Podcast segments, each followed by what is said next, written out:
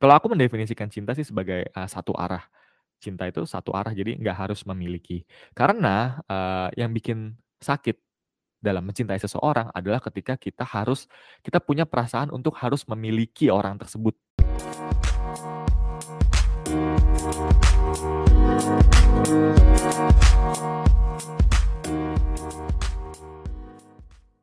Hello boys and girls, ladies and gentlemen, uh, welcome back to Petualangan Stickbrand, di mana kamu akan berpetualang bersamaku, Amran Hasbeditya Putra, di dunia yang berkaitan dengan psikologi dan pengembangan diri. Nah, untuk episode kali ini sebenarnya ini hasil dari, uh, story, Instagram story kalau kalian yang follow Instagram-ku ya.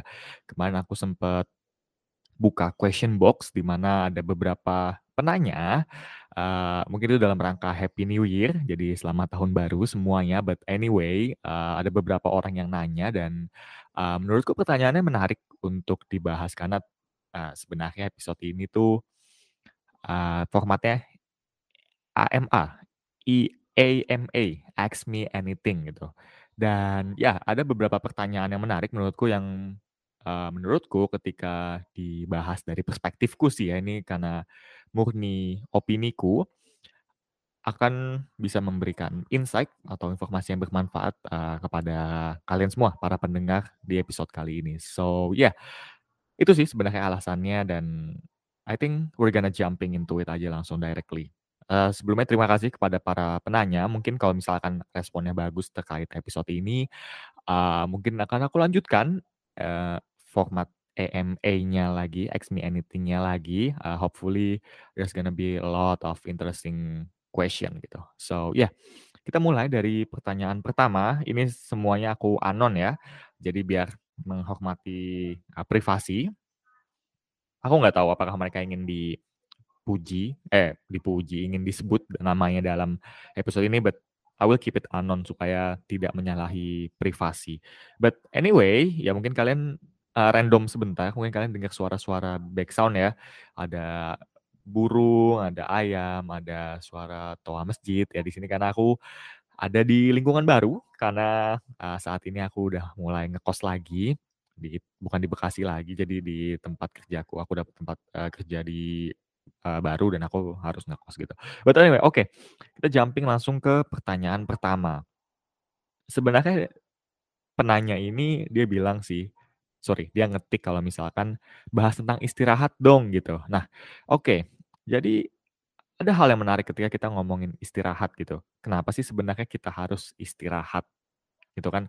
Karena sebenarnya kita tuh kayak istirahat itu jadi hal yang, eee tabu gitu kali ya, kalau di dunia kerja ataupun dunia kuliah, karena dulu kan selalu yang aku bilang di beberapa sesi itu kalau misalkan, eee, ada tote bag yang jual di mahasiswa gitu ya, dan usannya tote bag yang berjudul sorry, bertuliskan sleep are for the weak gitu. Jadi seakan-akan tidur atau istirahat tuh buat orang yang lemah gitu, karena kita harus hustle hustle hustle, kita harus doing some things every day, every night gitu loh. But sebenarnya istirahat itu perlu loh gitu. Eee, bayangin kalau misalkan kalian tuh, eee, apa ya, mesin gitu atau mungkin komputer. Komputer pun juga harus dimatikan gitu kan. Kalau misal eee, untuk jang supaya dia bisa beroperasional dalam jangka waktu yang lebih panjang. Ya kalau kalian nge-mining Bitcoin sih, ya itu kan harus ganti-ganti terus ya. Jadi, eee, istirahat terutama tidur gitu ya, tidur itu adalah, eee, sebuah fitur bukan bug. Itu yang aku aja eee, pelajari dari bukunya, eee, Matthew Walker, Why We Sleep, Mengapa Kita Tidur, kalau kalian cek di Gramedia itu ada. Jadi di situ, eee, dia, eee, apa ya, mengutarakan argumen yang kenapa sih kita harus tidur, tidur tuh fitur bukan bug, kita tuh perlu tidur gitu loh, eee, secara evolusioner, secara, eee, psychologically, eee, secara psikis, secara jiwa gitu ya. Eee, itu kalian kalau mau baca argumen panjangnya dia, kalian silakan beli, eee, buku itu atau mungkin nanti aku akan buat episode yang ngerangkum isi dari, eee, buku itu. So balik lagi ke pertanyaan tadi ingin menjelaskan tentang istirahat ya. Jadi aku dapat salah satu pernah nonton dan pernah baca artikelnya di TED ya, TED, TED Talks gitu. Ada yang ngebahas tentang, eee, istirahat. Sebenarnya kenapa sih kita selalu ca capek dan kenapa kita perlu istirahat. Nah, ternyata, eee, kalau kita ngomongin istirahat, istirahat itu sebenarnya bukan hanya tidur, gitu, bukan tidur tok. Jadi tidur, oke, langsung bugar lagi, langsung bisa hustle lagi. Iya, tidur salah satu, eee, tipe istirahat yang perlu dilakukan, tapi sebenarnya di TED itu dia bilang ada, eee, 7, 7 jenis, eee, istirahat gitu. Jadi yang pertama ada istirahat fisik, yang kedua ada istirahat mental, ketiga istirahat sensorik, ada istirahat kreatif, emosional, sosial, dan istirahat spiritual. Banyak ya, tapi menurutku, eee, semua ini bisa didapat, eee, di, eee, tidur yang, eee, cukup tidur yang berkualitas dan, eee, kuantitasnya cukup gitu.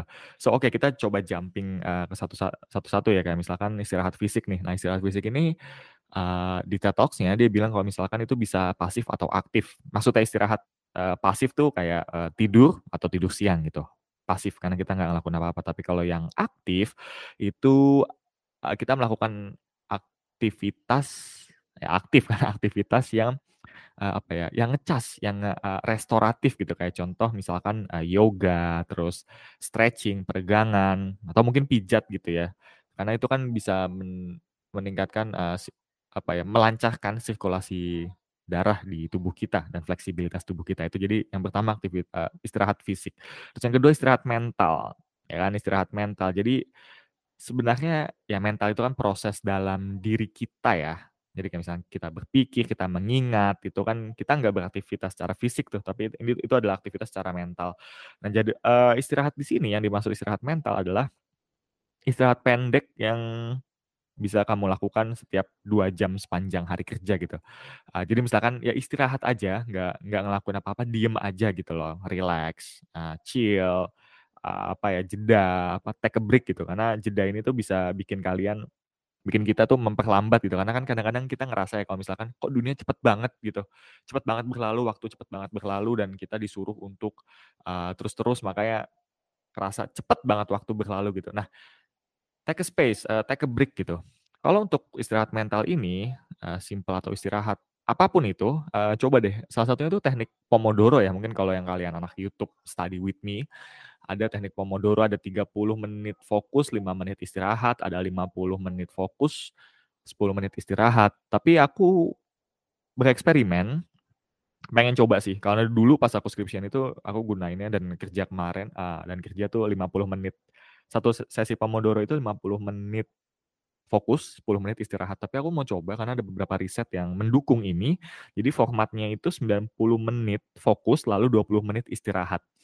Eee, jadi kayak deep work kalau kata Cal Newport. Eee, this is very interesting idea sih, eee, tapi belum nyoba. Hopefully di ke depannya aku bisa ngelakuin sesi kerja yang kayak gitu, 90 menit fokus, 20 menit istirahat. Mungkin kalau kalian yang masih asing dengan teknik Pomodoro ya, kalian bisa coba ya 30 menit dulu aja, 30 menit fokus, terus 5 menit istirahat gitu. S Ya, gitu sih. Oke, yang ketiga istirahat sensorik. Nah, sensorik kan kita punya 5 iya 5 ya kan ya? In 5 in panca indera, melihat, mendengar, mengecap, eee, terus apa lagi? Ya pokoknya indera lah ya, ya kan. Eee, jadi di sini maksudnya tuh kita harus eee, aku nggak akan bilang menyendiri sih, juga bukan kesepian. Jadi yang hal yang tenang gitu. Jadi nggak ada nggak ada cahaya dari layar, eee, laptop, suara bising, atau suara lagu, atau, eee, percakapan di kantor gitu kan ya, atau di panggilan Zoom, panggilan, eee, apa namanya, Microsoft Teams gitu. Eee, ini secara nggak langsung ketika kita banyak stimulus ya, hal-hal tadi yang musik yang, eee, kita dengerin sesuatu, hal segala macam itu itu bakal lama-kelamaan bakal bikin kita eee, weak, lemah inderanya gitu, capek. Makanya kan kalau misalkan awal hari tuh pasti kayaknya kok masih semangat banget, tapi semakin, eee, lama semakin lama itu malah kerasa capek. Nah itu karena indera kita tuh juga, eee, kewalahan menanggapi, stimulus-stimulus yang ada di lingkungan kita gitu. Jadi, eee, hal ini tuh sebenarnya istirahat sensorik itu jadi gampang aja sih sebenarnya menutup mata selama 1 menit atau misalkan, eee, apa, no screen, jadi nggak ada layar yang nyala ya, entah itu laptop atau handphone sebelum tidur, atau mungkin lebih bagus setelah tidur Setelah bangun, maksudnya setelah bangun tuh kamu nggak nyalain layar sih, karena menurutku itu game changer juga menurutku. Itu bisa bikin kita lebih, eee, apa, proaktif daripada reaktif gitu kan. Jadi kita yang kayak menentukan, eee, tindakan selanjutnya. Jadi itu istirahat sensorik ya. Terus yang selanjutnya ada istirahat kreatif. Sebenarnya istirahat kreatif ini simpelnya gini sih, nggak mungkin kita mungkin mungkin beberapa orang mungkin ya, cuma kalau aku sih sulit gitu. Ngerasa setiap saat tuh pasti bisa solving problem gitu. Karena kan kadang-kadang kalau misalkan kreativitas connecting the dots ya, atau kita butuh inspirasi atau segala macam gitu loh. Makanya maksudnya istirahat kreatif di sini itu adalah eee kamu coba cari inspirasi gitu, inspirasi ke hal-hal hal selain yang kamu kerjakan. Kayak misalkan mungkin kamu, eee, jalan jalan-jalan, eee, keliling komplek gitu ya, atau mungkin lihat, eee, ke museum, atau mungkin nonton film, atau apa pun itu. Itu kan itu kan jadi ki kita bikin, eee, refresh, kita bikin ada inspirasi lah. Jadi istirahat kreatif ini lebih ke cara mendapatkan inspirasi lagi, eee, ya, istirahat kreatif, eee, inspirasi dari hal-hal yang lain. Karena kan kalau kita fokus ke satu hal terus-menerus, pusing iya pasti, eee, mentally pasti bakal, eee, draining gitu. Makanya kita coba, eee eee, apa namanya, mungkin bisa dikatakan distracting sih. Distracting ke hal yang lain, kayak misalkan nih, kamu kerja seharian di, eee, kantor gitu, terus nanti, ya pas jam istirahat coba deh keluar, eee, sambil jalan, eee, jalan aja karena aktivitas fisik tadi, istirahat fisik yang di awal untuk meng-gain atau mendapatkan, eee, ngecas lagi lah secara, eee, kreatif. Atau mungkin baca buku, entah itu novel atau self improvement atau science, whatever it is. Terus yang kelima ada istirahat emosional. Nah, ini istirahat emosional yang unik sih. Jadi ini sebenarnya cara melakukan istirahat ini adalah kita harus menjadi otentik. Maksudnya otentik tuh menjadi diri kita sendiri. No filter gitu. Jadi kayak Eee, orang yang beristirahat secara emosional, itu dapat menjawab pertanyaan yang, eee, "Gimana kabar lu?" Dia akan jawab, "Gue lagi nggak baik-baik aja." Nah, itu emosional karena kita nggak, nggak perlu meng meng apa, menggunakan filter untuk membicarakan apa yang sedang kita rasakan. Nah, ini akan nyambung ke jenis selanjutnya, yaitu jenis istirahat, eee, sosial. Jadi kan, eee, kalau tadi istirahat emosional kita bisa mengutarakan emosi kita sebebas kita gitu ya, karena kita ngomong sama orang yang, eee, kita percayai gitu, teman atau mungkin psikolog ya, atau mungkin keluarga.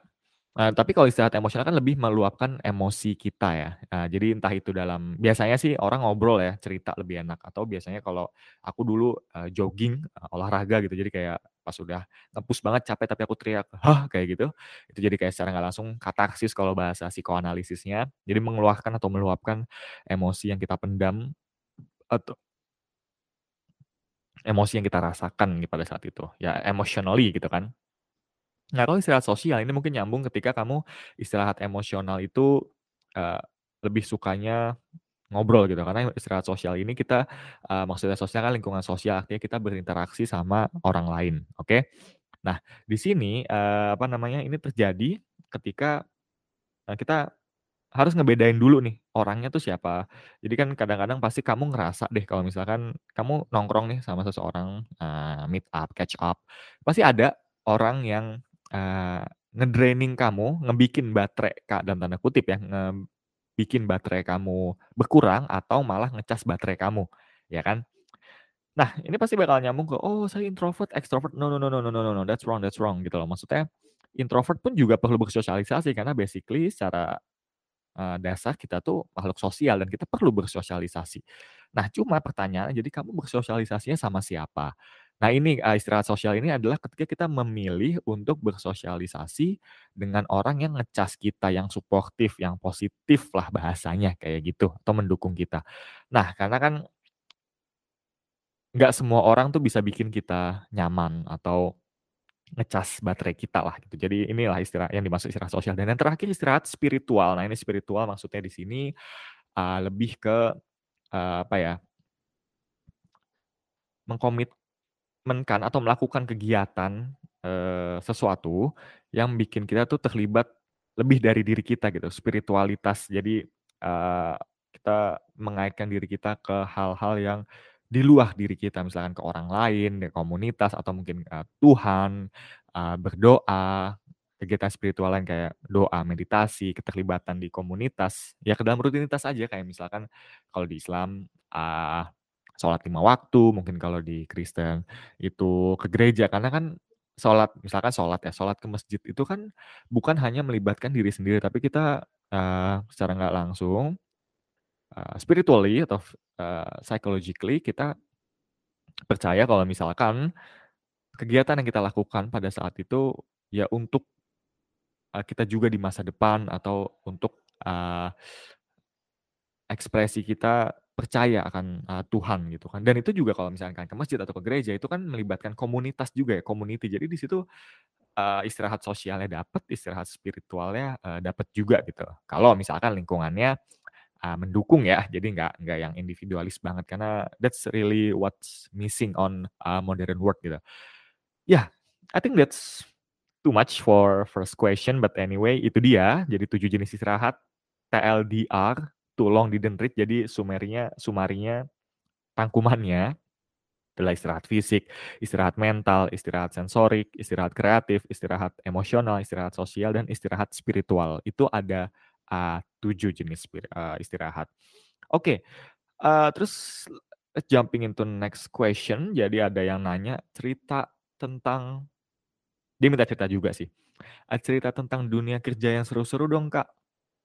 Oh, Kak, jadi kelihatan adik kelas ya, but ya, adik ti tingkat. Eee, ya sebenarnya kalau ngomongin dunia kerja ya, ini shifting yang menurutku eee, gede banget.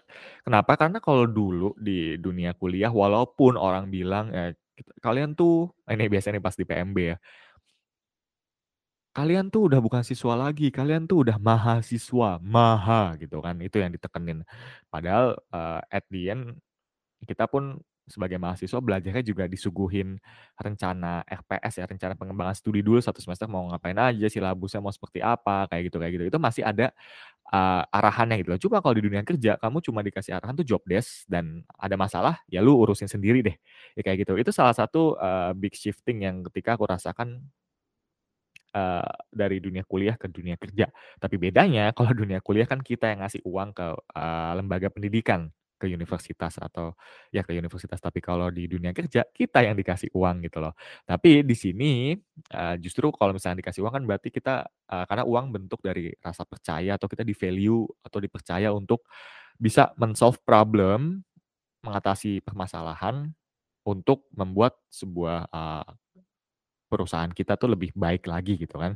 Nah itulah jadi, seperti kata paman Ben, ya kan, Uncle Ben, kalau misalkan great power comes with great responsibility ya.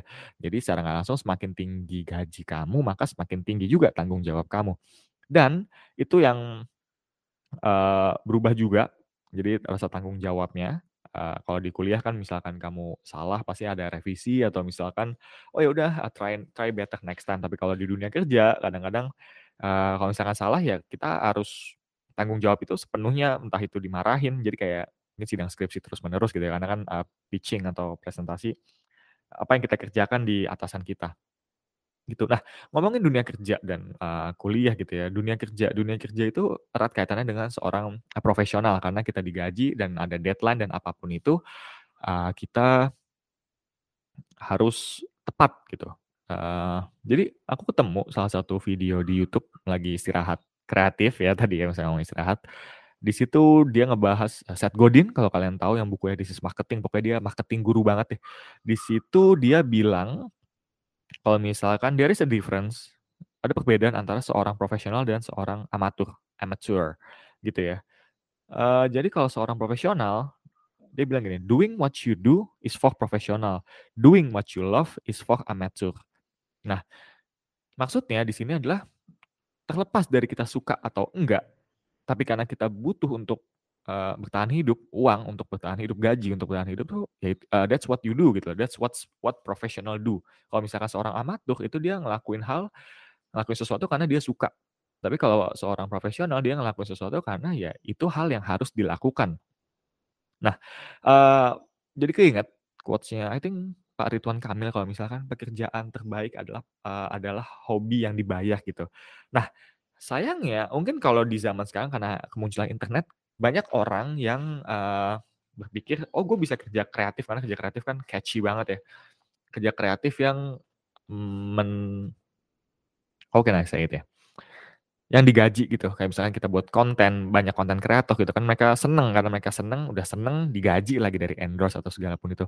Tapi nggak nggak semua orang kayak gitu, oke? Eee, that's take a lot of effort juga untuk jadi seorang konten kreator. Nah, yang mau aku tegaskan mungkin adalah nanti pekerjaan pertama kalian kayak aku gitu ya, eee, work is is not a hobby, oke? Jadi, eee, you have to learn how to be a professional, not amateur. Karena work is not a hobby secara garis besarnya, tapi mungkin ke depannya di tahun kedua, ketiga kalian berkarir, kalian punya, eee, apa namanya, capital skill, jadi kayak skill kalian tuh udah improve dari sebelumnya dan kalian bisa ngelamar ke yang lebih sesuai dengan passion atau yang ingin kalian, eee, kejar gitu. Jadi, eee, dunia kerja menurutku cita dunia kerja itu adalah ya bi eee, it learn I learn a lot to be, eee, professional, to be, eee, apa, never miss a deadline or the budget gitu ya. Dan seorang profesional itu makes a promise and keeps the promise regardless of what they feel like. Jadi ketika dia menjanjikan sesuatu, ya udah mereka pasti tepatin. Seorang profesional tuh nepatin itu terlepas dari apa yang dirasakan, karena itu seorang profesional dan menurutku, eee, ini ide yang masih belum aku pikirkan terlalu dalam sih, cuma menurutku ketika kita profesional dalam, eee, segala aspek kehidupan, I think it's gonna be, eee eee, our life, kehidupan kita tuh bakal lebih baik. Kenapa aku bilang gitu? Karena contoh kayak gini, misalkan kalian bilang OTW. Tapi sebenarnya kalian masih mandi, OTW mandi. Itu kan nggak profesional karena ketika kalian bilang 10.30 OTW, tapi sebenarnya 10.30 OTW kamar mandi. Itu kan nggak profesional dan itu akan menyakiti atau membuat teman kalian males lah kayak gitu kan. Tapi kalau misalkan kita profesional dengan, eee, penggunaan waktu kita juga, I think itu juga akan membuat hubungan kita lebih baik ya, terlepas dari, eee, konteks pekerjaan, tapi lebih ke personal sih. That's one of my idea that, I it's very inter interesting to think about sih. Nah, ngomongin kerjaan dan apa istilah-istilah gitu ya. Aku langsung pops up in my mind kalau misalkan tuh ada istilah budak korporat gitu loh.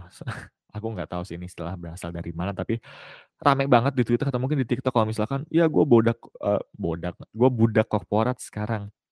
First of all, you're not a slave gitu. Ini buat kalian yang dengar ya, oke trigger warning deh. Ya menurutku kalau kalau kalau kita menggunakan istilah budak, itu udah salah gitu loh. Kenapa? Karena kalau zaman dulu ketika ada budak ya, budak itu tuh mereka lahir sebagai budak gitu. Bukan pilihan mereka untuk menjadi budak. Oke? Kalau kita, kebanyakan kita, kita itu kan tanda tangan kontrak ya di, eee, suatu perusahaan. Tanda tangan aja tuh pilihan kita, consciously ya kan kita baca, eee, terms and condition-nya, terus kita lihat gajinya dan oke udah oke nih, oke tanda tangan ya, tanda tangan. Itu kan ada conscious decision. Ya kita bisa milih gitu, tapi kalau budak di zaman dulu, itu budak ya udah terlahir jadi budak, nggak nggak nggak nggak punya pilihan lain gitu. Nah, dan ada yang unik sih ketika ngomongin budak korporat, jadi seakan-akan korporat tuh eee, perusahaan yang gede gitu ya, yang udah bener iya iya bener bener, korporat itu juga korporasi kan. Itu adalah dunia yang, eee, di perusahaan yang udah gede. Tapi misalkan, "Oh gue bukan budak korporat, gue anak startup." Oke, first of all, startup itu mungkin ada kesalahpahaman ketika kita ngomongin startup dan tech company, company teknologi ya. Karena kan sekarang kayaknya itu 2 istilah yang, eee, tumpang tindih gitu. Tapi sebenarnya kalau startup itu lebih ke fase sebuah perusahaan, jadi fase awal startup rintisan, makanya masih kecil gitu. Nah, tapi kalau tech company, ya company yang melibatkan teknologi gitu, base-nya teknologi, oke, basisnya dasarnya itu teknologi. Nah, kalau ngomongin korporat, aku juga pas mau buat materi ini searching di KBBI ya. Jadi korporat tuh apa sih? Nah, kalau di KBBI itu korporat, eee, bersifat atau berkaitan dengan korporasi atau berbadan hukum. Nah, kalau misalkan let's say kita ngomong Gojek, orang bilang atau Tokopedia, GoTo gitu. Oke, itu adalah, eee, startup, but no, that's wrong. Mereka udah berbadan hukum kan, PT apa gitu, PT Goto ya seingatku ya. Iya, dan secara nggak langsung kalian juga anak startup tuh juga budak korporat kalau misalnya kita makein istilah itu ya, budak korporat. Jadi sebenarnya budak korporat dan anak startup tuh kalau ngomongin istilah itu ya, walaupun aku nggak suka gitu, ya sama aja, ya nggak sih? But anyway, that's another point to discuss sih. Tapi itu sih menurutku karena kadang-kadang, oh iya gue budak corporate corporate slave yang kayak gitu-gitu, but come on, bro. Anyway, ya. I think that's it sih kalau misalkan ngomongin dunia kerja dan cerita seru tentang dunia kerja kepanjangan ya, tapi kalau rangkumannya sih adalah, uh, serunya adalah kita diajarkan untuk bertanggung jawab lebih dan to being professional with our promise dengan janji-janji atau perkataan kita gitu ya. Dan ya itu sih. Oke. Okay. Let's jumping into next question. Jadi ada pertanyaan juga uh, yang nanya, penanya yang nanya kalau misalkan bahas privilege atau hak istimewa dong. Kayak misalkan udah lahir di uh, keluarga yang kaya, ekonomi backgroundnya bagus, dan mungkin uh, physically juga bagus, juga ganteng, cakep kayak gitu. Nah, ada buku, sebenarnya aku belum baca buku ini, cuma sempet nonton reviewnya di YouTube ya kalau misalkan ini ngebahas tentang privilege. Nah, privilege ya kan. Di judul bukunya itu Unfair Advantage ya. Jadi apa kelebihan kelebihan advantage itu apa ya? Ya keunggulan, keunggulan yang unfair, yang nggak fair gitu, yang yang yang udah bawaan lah. Kayak misalnya kan kita nggak bisa milih ya kita lahir di keluarga apa gitu. Kalau misalkan bisa milih pasti semua orang bakal milih di keluarga yang kaya gitu kan. Nah, di sini dalam buku ini intinya dia ngebahas kayak misalkan apa sih apa aja sih sebenarnya unfair advantage gitu loh. Yang aku inget salah satunya adalah uh, networking atau uh, relasi kan. Mungkin aja ada om kamu atau bapak kamu seorang direktur dan kamu nanti bisa kerja di perusahaannya lebih gampang atau mungkin om kamu atau mungkin saudara kamu atau mungkin apa pun itu. Relasi atau mungkin genetik. Genetik tuh maksudnya kayak uh, IQ uh, terus uh, apa namanya ya muka ya maksudnya physically yang lebih bisa bikin ganteng yang bisa lebih ngejual di dan tanda kutip ngejual di industri uh, kayak gitu-gitu itu kan suatu hal yang unfair advantage ya nah sebenarnya ini juga sorry ini juga berkaitan juga sih dengan ide yang apa ya yang pas itu aku karena ngikutin Jordan Peterson banget dan dia ngebahas tentang uh, topik politik uh, apa namanya white privilege. Jadi seakan-akan orang putih yang lahir, yang orang yang lahir sebagai putih tuh mereka punya sebuah privilege tersendiri gitu. Jadi tapi seakan-akan di situ malah mereka diserang kayak misalkan dikit-dikit nih ya, uh, uh, misalkan mereka sukses. Oh iya lu kan karena lu white, lu orang putih, orang bule, lu udah uh, privilege banget, lu udah ditakdirkan untuk sukses gitu. Ya. Mungkin ada benarnya dalam, uh, apa namanya, dalam persentase ya, uh, karena unfair advantage tadi.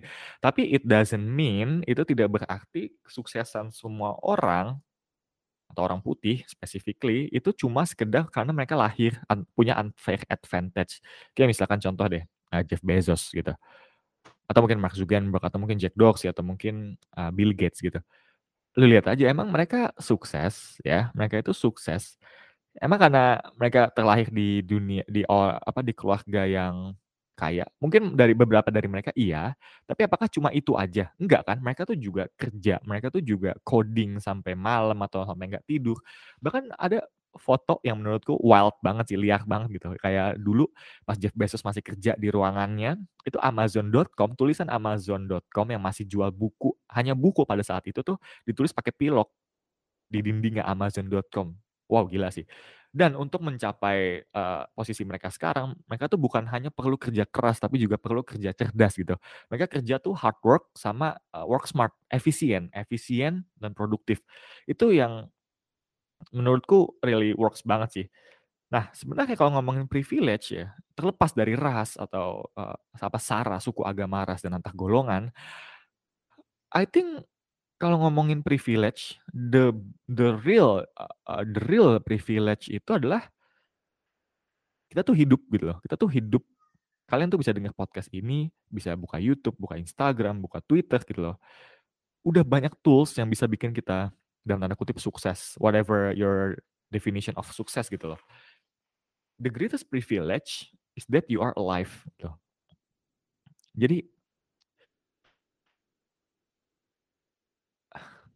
karena kalau ngomongin white privilege atau privilege yang sama itu erat kaitannya dengan, eee, complaining gitu. Kayak misalkan nih ya, orang ngelihat orang lain sukses gitu, ngelihat orang lain sukses terus bilang, "Oh iya karena dia lahir di keluarga kaya sih, oh udah enak ya, oh iya karena dia punya ini sih, oh iya punya ini sih, oh iya modal bebet bobot bebetnya udah udah bagus sih," kayak gitu-gitu. Mungkin itu benar, tapi nggak seluruhnya itu menyumbang menyumbang kepada kesuksesan mereka gitu loh. Karena pasti ada sisi hard work lah, come on. Nggak semua orang yang lahir, eee, punya privilege tadi ya, privilege hak istimewa, bahasa Indonesianya, itu bisa sesukses itu kalau misalnya mereka nggak kerja keras sih.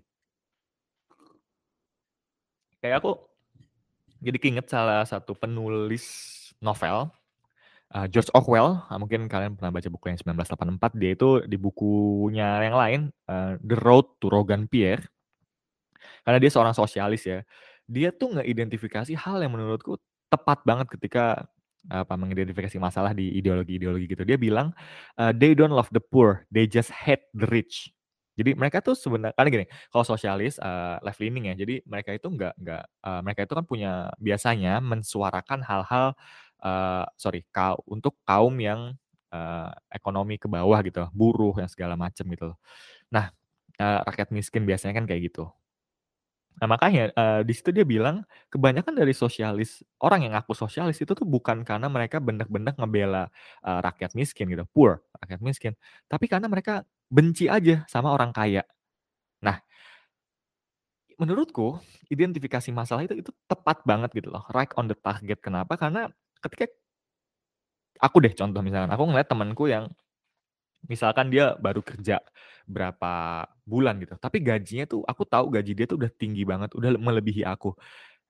At some point aku ngerasa kayak, "Anjrit, gua yang udah kerja lama, gaji gua masih segini, tapi kok elu yang baru kerja sebentar udah gaji segitu, gila gue jealous," gitu loh. Gila gua nah di situ ada pilihan, ada rasa, pasti ada rasa kayak, "Anjrit," gitu. Ada pilihan ketika kamu mau, eee, benci dia, ya kan, atau kamu mau belajar dari dia, "Kenapa sih kok lu bisa gaji lu setinggi ini? Apa sih negosiasi lu kayak gimana? Skill lu yang udah lu kembangin kayak apa?" Gitu loh. Ini nyambung ke cerita yang menurutku profound banget, mendasar banget, yaitu cerita Cain and Abel, Abil dan Qabil ya. Jadi biar gampang ngemisahinnya tuh aku pakai nama Cain and Abel aja. Jadi di Cain and Abel itu kan kalian tahu itu adalah manusia pertama di muka bumi yang, eee, membunuh, eee, Cain yang ngebunuh Abel, ya kan. Nah, sebenarnya di situ kan dia ngebunuh karena rasa apa? Rasa jealous. Kenapa dia kenapa Cain jealous? Karena Abel itu sukses. Maksudnya sukses? Sukses karena pengorbanannya itu diterima sama Tuhan, kan mereka sama-sama, eee, menyembahkan, eee, kurban atau, pengorbanan gitu kan. Nah di situ yang diterima kan pengorbanannya Abel dan Abel lah yang dapet, eee, anak cewek yang cakep pada saat itu, jadinya karena pengorbanannya yang diterima. Nah di situ kan Cain cemburu ya, jealousy. Nah jealous nah jealous inilah yang bikin, eee, apa namanya yang bikin kita benci, ya jealous, cemburu, bisa bikin benci dan benci worst case-nya itu bisa bikin, eee, ngebunuh orang dalam tanda kutip ya, karena itu yang dilakuin Cain ke Abel. Nah ketika ngomongin privilege, jadi kita harus tahu dulu nih, oke ketika kita bilang, "Ah itu karena dia privilege, karena dia punya hak istimewa." Elu, kamu ngomong kayak gitu, itu karena kamu, eee, jealous Oke, mungkin karena emang kamu jealous. Nah, pilihannya adalah kamu mau ngebenci dia setelah rasa jealous ya, kamu mau ngebenci dia atau kamu mau belajar dari dia. Karena ketika muncul rasa jealous itu berarti kita tuh dibandingkan akan suatu hal, akan sta suatu standar ya kan. Contoh kayak aku tadi, aku ngebandingin standar dari sisi gaji dan waktu sama temenku. Oke, ternyata dia standarnya lebih tinggi nih dari gua. Nah, gua bisa milih untuk benci dia, kayak, "Ah fuck it, eee, gue lupain aja deh karena sakit banget gue dibanding-bandingin." Siapa sih yang yang suka dibandingin? Atau lu mau belajar dari dia. Oke, dia gajinya tinggi, apa sih sebenarnya rahasianya yang gua tuh belum lakuin. Nah, the best decision I think adalah belajar dari dia. Karena ketika ketika kamu ngerasa insecure let's say gitu ya Menurutku itu adalah sebuah sinyal sebuah sinyal untuk, oke gue ketika ngerasa insecure, oke ada gue ngebandingin sesuatu nih sama diri gue. Apa ya gap-nya, jaraknya tuh apa ya yang bisa gue, eee, penuhi, yang bisa biar bikin lebih ideal karena itu kan sebuah standar, itu kan sosok ideal atau sosok yang ingin kita, eee, jadi di masa depan gitu. But anyway, itu ngomongin privilege sih karena, aku bold-line lagi kalau misalnya ngomongin privilege adalah the greatest privilege is that you are alive. Jadi bukan masalah kamu ngebawa suatu hal dari oke aku jadi keinget quotes yang kalau kalau lahir miskin, itu bukan salah lu, tapi kalau mati miskin, itu baru salah lu. Itu jadi seakan-akan meng menegaskan kayak hal yang penting untuk lu jadi kaya atau jadi sukses itu adalah hal ketika lu hidup, terus lu ngelakuin apa, bukan dari bawaan yang lu bawa ketika lahir gitu loh. Nah that's that's the the apa, the summary gitu loh. Oke, I think ya udah cukup lama, jadi kita akan I think 2 question lagi ya, 2 pertanyaan lagi. Nah ini pertanyaan yang agak random, but ya karena me anything pasti hal random ya, nggak ada tipe, nggak ada jenisnya yang kategori yang tepat gitu loh. Kategori yang sama maksudnya. Oke, ada pertanyaan, this is from my guy, eee, my friend, my one of my best friend, lagi di KKN pada saat itu. Eee, dia tanya gini, "Cinta harus memiliki nggak sih?" Ini menarik banget sih karena du di minggu lalu I think ya, di minggu lalu aku sempet jalan, eee, catch up sama teman kuliahku dan di, eee, di salah satu teman kuliahku itu ada ada mantanku juga, mantan yang paling lama gitu. Dan ada percakapan, pas banget, ada yang nanya, salah satu temanku nanya, "Sebenarnya definisi cinta lu apa sih, Bran?" Ya jadi sebenarnya bukan aku doang yang ditanya, tapi semua yang lagi, eee, catch up di juga ditanya definisi cinta gitu loh. Nah, kalau aku mendefinisikan cinta sih sebagai, eee, satu arah. Cinta itu satu arah, jadi nggak harus memiliki. Karena, eee, yang bikin sakit dalam mencintai seseorang adalah ketika kita harus kita punya perasaan untuk harus memiliki orang tersebut. Jadi kayak barang kepunyaan gitu. "Lu milik gua, lu nggak boleh ke orang lain karena lu milik gua." Dan itu yang ketika orang lain ternyata sebenarnya eee, ternyata dia bukan milik lu, dia malah pergi atau meninggalkan lu, meninggalkan kamu, jadi itu yang bikin sakit. Tapi sebenarnya cinta, ya One way, that's that's my definition. Tapi ngomongin cinta, aku keinget 2 quotes menurutku bagus banget dari, eee, the the one and only, the greatest, eee, Sujiwo Tejo, ya Pak Sujiwo Tejo. Dia tuh bilang kalau misalkan, "Jatuh hati tidak pernah bisa memilih, Tuhan yang memilihkan. Kita hanyalah korban, kecewa adalah konsekuensi, bahagia adalah bonus." Itu capture really well banget sih, eee, quotes itu. Dan yang selanjutnya, quote selanjutnya yang menurutku bisa make it perfect ngomongin cinta harus memiliki atau tidak, dia bilang gini, "Menikah itu nasib, mencintai itu takdir. Kamu bisa berencana menikahi siapa, tapi tak dapat kau rencanakan cintamu untuk siapa." That's that's really deep gitu loh. Makanya I eee, deeply I think, eee, cinta tuh one way. Kayak contoh misalkan Cinta yang seorang ibu ke anaknya, ya kan, itu kan tulus banget, nggak perlu balasan, ya kan. Dan dia ingin hal yang terbaik untuk anaknya. Hal yang terbaik bukan berarti selalu melindungi anaknya gitu, ya kan. Karena untuk seorang anak untuk berkembang itu juga harus ditantang, ya kan. Nggak semua hal yang diinginkan itu diberikan, karena kalau kayak gitu nanti malah dependent, malah, eee Ketergantungan sama ibu ya dan nanti nggak bisa mandiri ketika udah remaja atau udah dewasa. Oedipus kompleks itu BTW kalau misalnya ngomongin Sigmund Freud. Ya Oedipus mother kompleks ya I think. Nah jadi, definisi sebenarnya love, misalkan kalau ngomongin gini deh, konsep self love yang ramai kan, self love, love yourself, love yourself.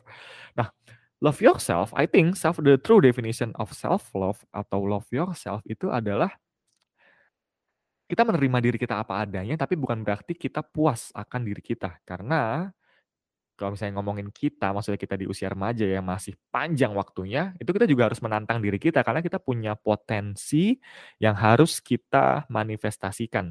Bagaimana cara memanifestasikan potensi kita? Dengan menantang diri kita, dengan mengambil pekerjaan yang menantang kita atau membaca buku yang sebelumnya belum pernah kita baca atau apa pun itu. Dan itu cinta. Dan Ya, love is a one way I think. Eee, jadi menurutku cinta nggak harus memiliki sih. Jadi kayak seakan-akan, ya yang pas, analogi yang pas adalah cinta seorang ibu, ya kan. Jadi ketika ibu ke anaknya kan cintanya tulus banget, nggak harus, eee, apa, dibalas, tak ya kan, tak terbalas. Nah, tapi ketika anaknya sudah dewasa, dia juga harus bisa melepaskan, ya kan. Melepaskan, eee, anaknya untuk merantau misalkan kayak gitu, karena itu adalah fase perkembangan manusia yang yang seharusnya emang harus mandiri, nggak harus nggak boleh jangan, eee, terlalu tergantung sama ibunya. Jadi memberikan tanpa, eee, tanpa harapan dan melepaskannya, ya kan kayak misalnya tadi Pak Sujiwo Tejo juga bilang, "Menikah itu nasib, mencintai itu takdir." Ya menikah jika ka jika karena kita mencintai seseorang, bukan berarti kita bisa menikahi dia, tapi itu bakal jadi bonus kalau misalkan kita bisa menikahi orang yang kita cintai. That's the greatest, eee, target ya, the greatest achievement yang bisa, eee, kita capai kalau misalkan ngomongin eee, cinta gitu. Oke, cukup melo-melonya. Nah, ini pertanyaan terakhir, mungkin, eee, karena udah udah 8 juga, walaupun cuma 5 pertanyaan. Web sorry, ini bukan pertanyaan sih, ini yang menurutku yang aku mau bagikan di episode ini yaitu, eee, how to read a books atau bagaimana membaca buku. Sebenarnya baca tinggal baca aja, kita diajarin baca dari dulu, cuma ada shifting mindset yang aku yang aku, eee, lakukan di awal tahun 2022 ini, eee, itu dari jadi gini, kalau dulu aku berusaha untuk membaca buku, eee, sebanyak mungkin, tapi di tahun 2002 ini 2022 ini aku ingin coba, eee, baca hanya beberapa buku tapi sangat memahaminya gitu. Ini quotes atau perspektif yang aku ubah ketika nonton, eee, podcast-nya Joe Rogan dan Naval Ravikant ya. Eee, Naf itu karena sering aku sebut banget ya. Jadi Naval Ravikant tuh bilang, eee, "Read the best 100 books over and over again." Jadi sebenarnya dalam, eee, hidup dia bilang, "Lu nggak perlu baca 1000 atau 100.000 buku kok, lu hanya cukup baca 100 buku yang basic, tapi lu paham," gitu. Nah, berdasarkan quotes itu, aku coba, eee, lihat buku-buku yang aku punya dan aku, eee, apa sih sebenarnya buku basic yang bisa dalam 1 tahun ini ya, jadi di tahun 2022 ini, beberapa buku aja, dan aku bisa baca ulang-ulang supaya aku bisa lebih mengerti, eee, pondasi dari reality, dari kenyataan, atau dari hidup ini tuh apa sih gitu. Jadi prinsip dasarnya, the basic principle. Nah, oke semoga kelihatan ya. Jadi, eee, idea-nya get ya, jadi idea-nya itu idenya adalah membaca beberapa buku tapi terus-menerus supaya paham pemikiran-pemikiran, eee, dasarnya gitu. Kayak contoh gini, maksudnya ide ide buku-buku dasar tuh kayak apa sih beneran, contohnya kayak gini banyak orang yang ngerasa udah pinter ketika dia baca Psychology of Money karangan Morgan Housel Housel I guess ya kan. Psychology of Money kan itu buku yang pop culture banget. Ada orang yang udah ngerasa pinter atau edgy ketika dia ngebaca Seni Bersikap Bodo Amat karangan Mark Manson, atau ada orang yang ngerasa keren ketika baca buku yang ada di background-nya Pak Gita, salah satunya Sapien gitu, ya kan, Pak Gita Wirjawan, podcast Endgame ya. Tapi sebenarnya dari buku itu sih, itu adalah sebuah ide yang ada ide dasarnya gitu loh, karena itu ide yang udah di, eee, modernisasi lah kayak gitu. Kayak contoh misalkan, eee, Psychology of Money, kita ngomongin money, uang, eee, kalau uang ngomongin ekonomi, kita harus baca, eee, basic buku basic-nya, ide basic-nya adalah dari Adam Smith, Wealth Wealth of Nation. Jadi ketika ngomongin kapitalis, ketika ngomongin sistem ekonomi, ketika ngomongin uang, ya kita harus, eee, coba pahami ide dasarnya dulu, Wealth of Nation, Adam Smith. Kalau misalkan ngomongin Sapien, ngomongin evolusi, teori evolusi, maka buku dasarnya adalah Charles Darwin, The Ori The Origin of Species, ya kan. Atau ngomongin tadi Seni Bersikap Bodo Amat, itu kan hal yang kita bisa kendalikan dan hal yang tidak bisa kita kendalikan, dan hal yang tidak bisa kita kendalikan harus kita bodo amatin. Stoik, ya kan, eee, ngomongin mungkin bukunya Meditation, eee, dari Marcus Aurelius atau, eee, mungkin dari Ryan Holiday, beberapa buku, eee, tentang stoik gitu. Nah, jadi ada beberapa buku yang mau aku tunjukin ke kalian, yang mungkin nanti kalau misalkan aku udah paham intisarinya, bukan minuman ya, tapi intisari dari buku ini, eee, bisa aku bagikan atau mungkin buat episode podcast dari tiap bukunya. Jadi ada 1, 2, 3, 4, 5, 6, 7, oke, ada 7 buku yang aku coba baca dalam 1 tahun ini. Ya sebenarnya kalau biasanya kalau aku baca buku sih, satu buku tergantung halamannya sih, tapi mungkin paling lama sebulan untuk selesai. Jadi sebenarnya 7 bulan udah kelar, tapi karena aku mau coba ulang-ulang lagi, untuk paham, beneran paham idenya sih apa sih ini, basic-nya apa, eee, jadi I think one year it's gonna be tough sih, bakal sulit atau mungkin bahkan nggak kelar gitu. Oke, jadi ada 7 buku di sini yang karena ini dari yang kecil dulu aja deh ya. Oke, semoga kelihatan. Oh shit. Oke, jadi kita lihat di sini. Oke, ini ada 6, satunya gede banget. Nanti aku uh, coba angkat. Yang pertama, aku akan jelasin alasan-alasan atau ide dasar kenapa aku milih uh, buku-buku uh, ini gitu ya. Yang pertama itu ada uh, oke, okay, uh, The Universe ya, kalau karangan JP McCoffey kayak gini covernya. Kenapa aku pilih buku ini untuk didalami? Karena ini berbicara tentang uh, sejarah uh, dasar a brief history of universe alam semesta. Jadi ya dari Babylonian, dari uh, kerajaan apa lagi ya? Ya, salah satu aku aku belum nyampe di chapter Babylonia sih uh, di di awal banget. Babylonia, Babylon. But anyway, ini the universe karena ini juga berkaitan dengan uh, fisika, I think, uh, universe tentang alam semesta. Itu yang pertama, terus yang kedua tadi yang aku sebutin juga uh, Wealth of Nation.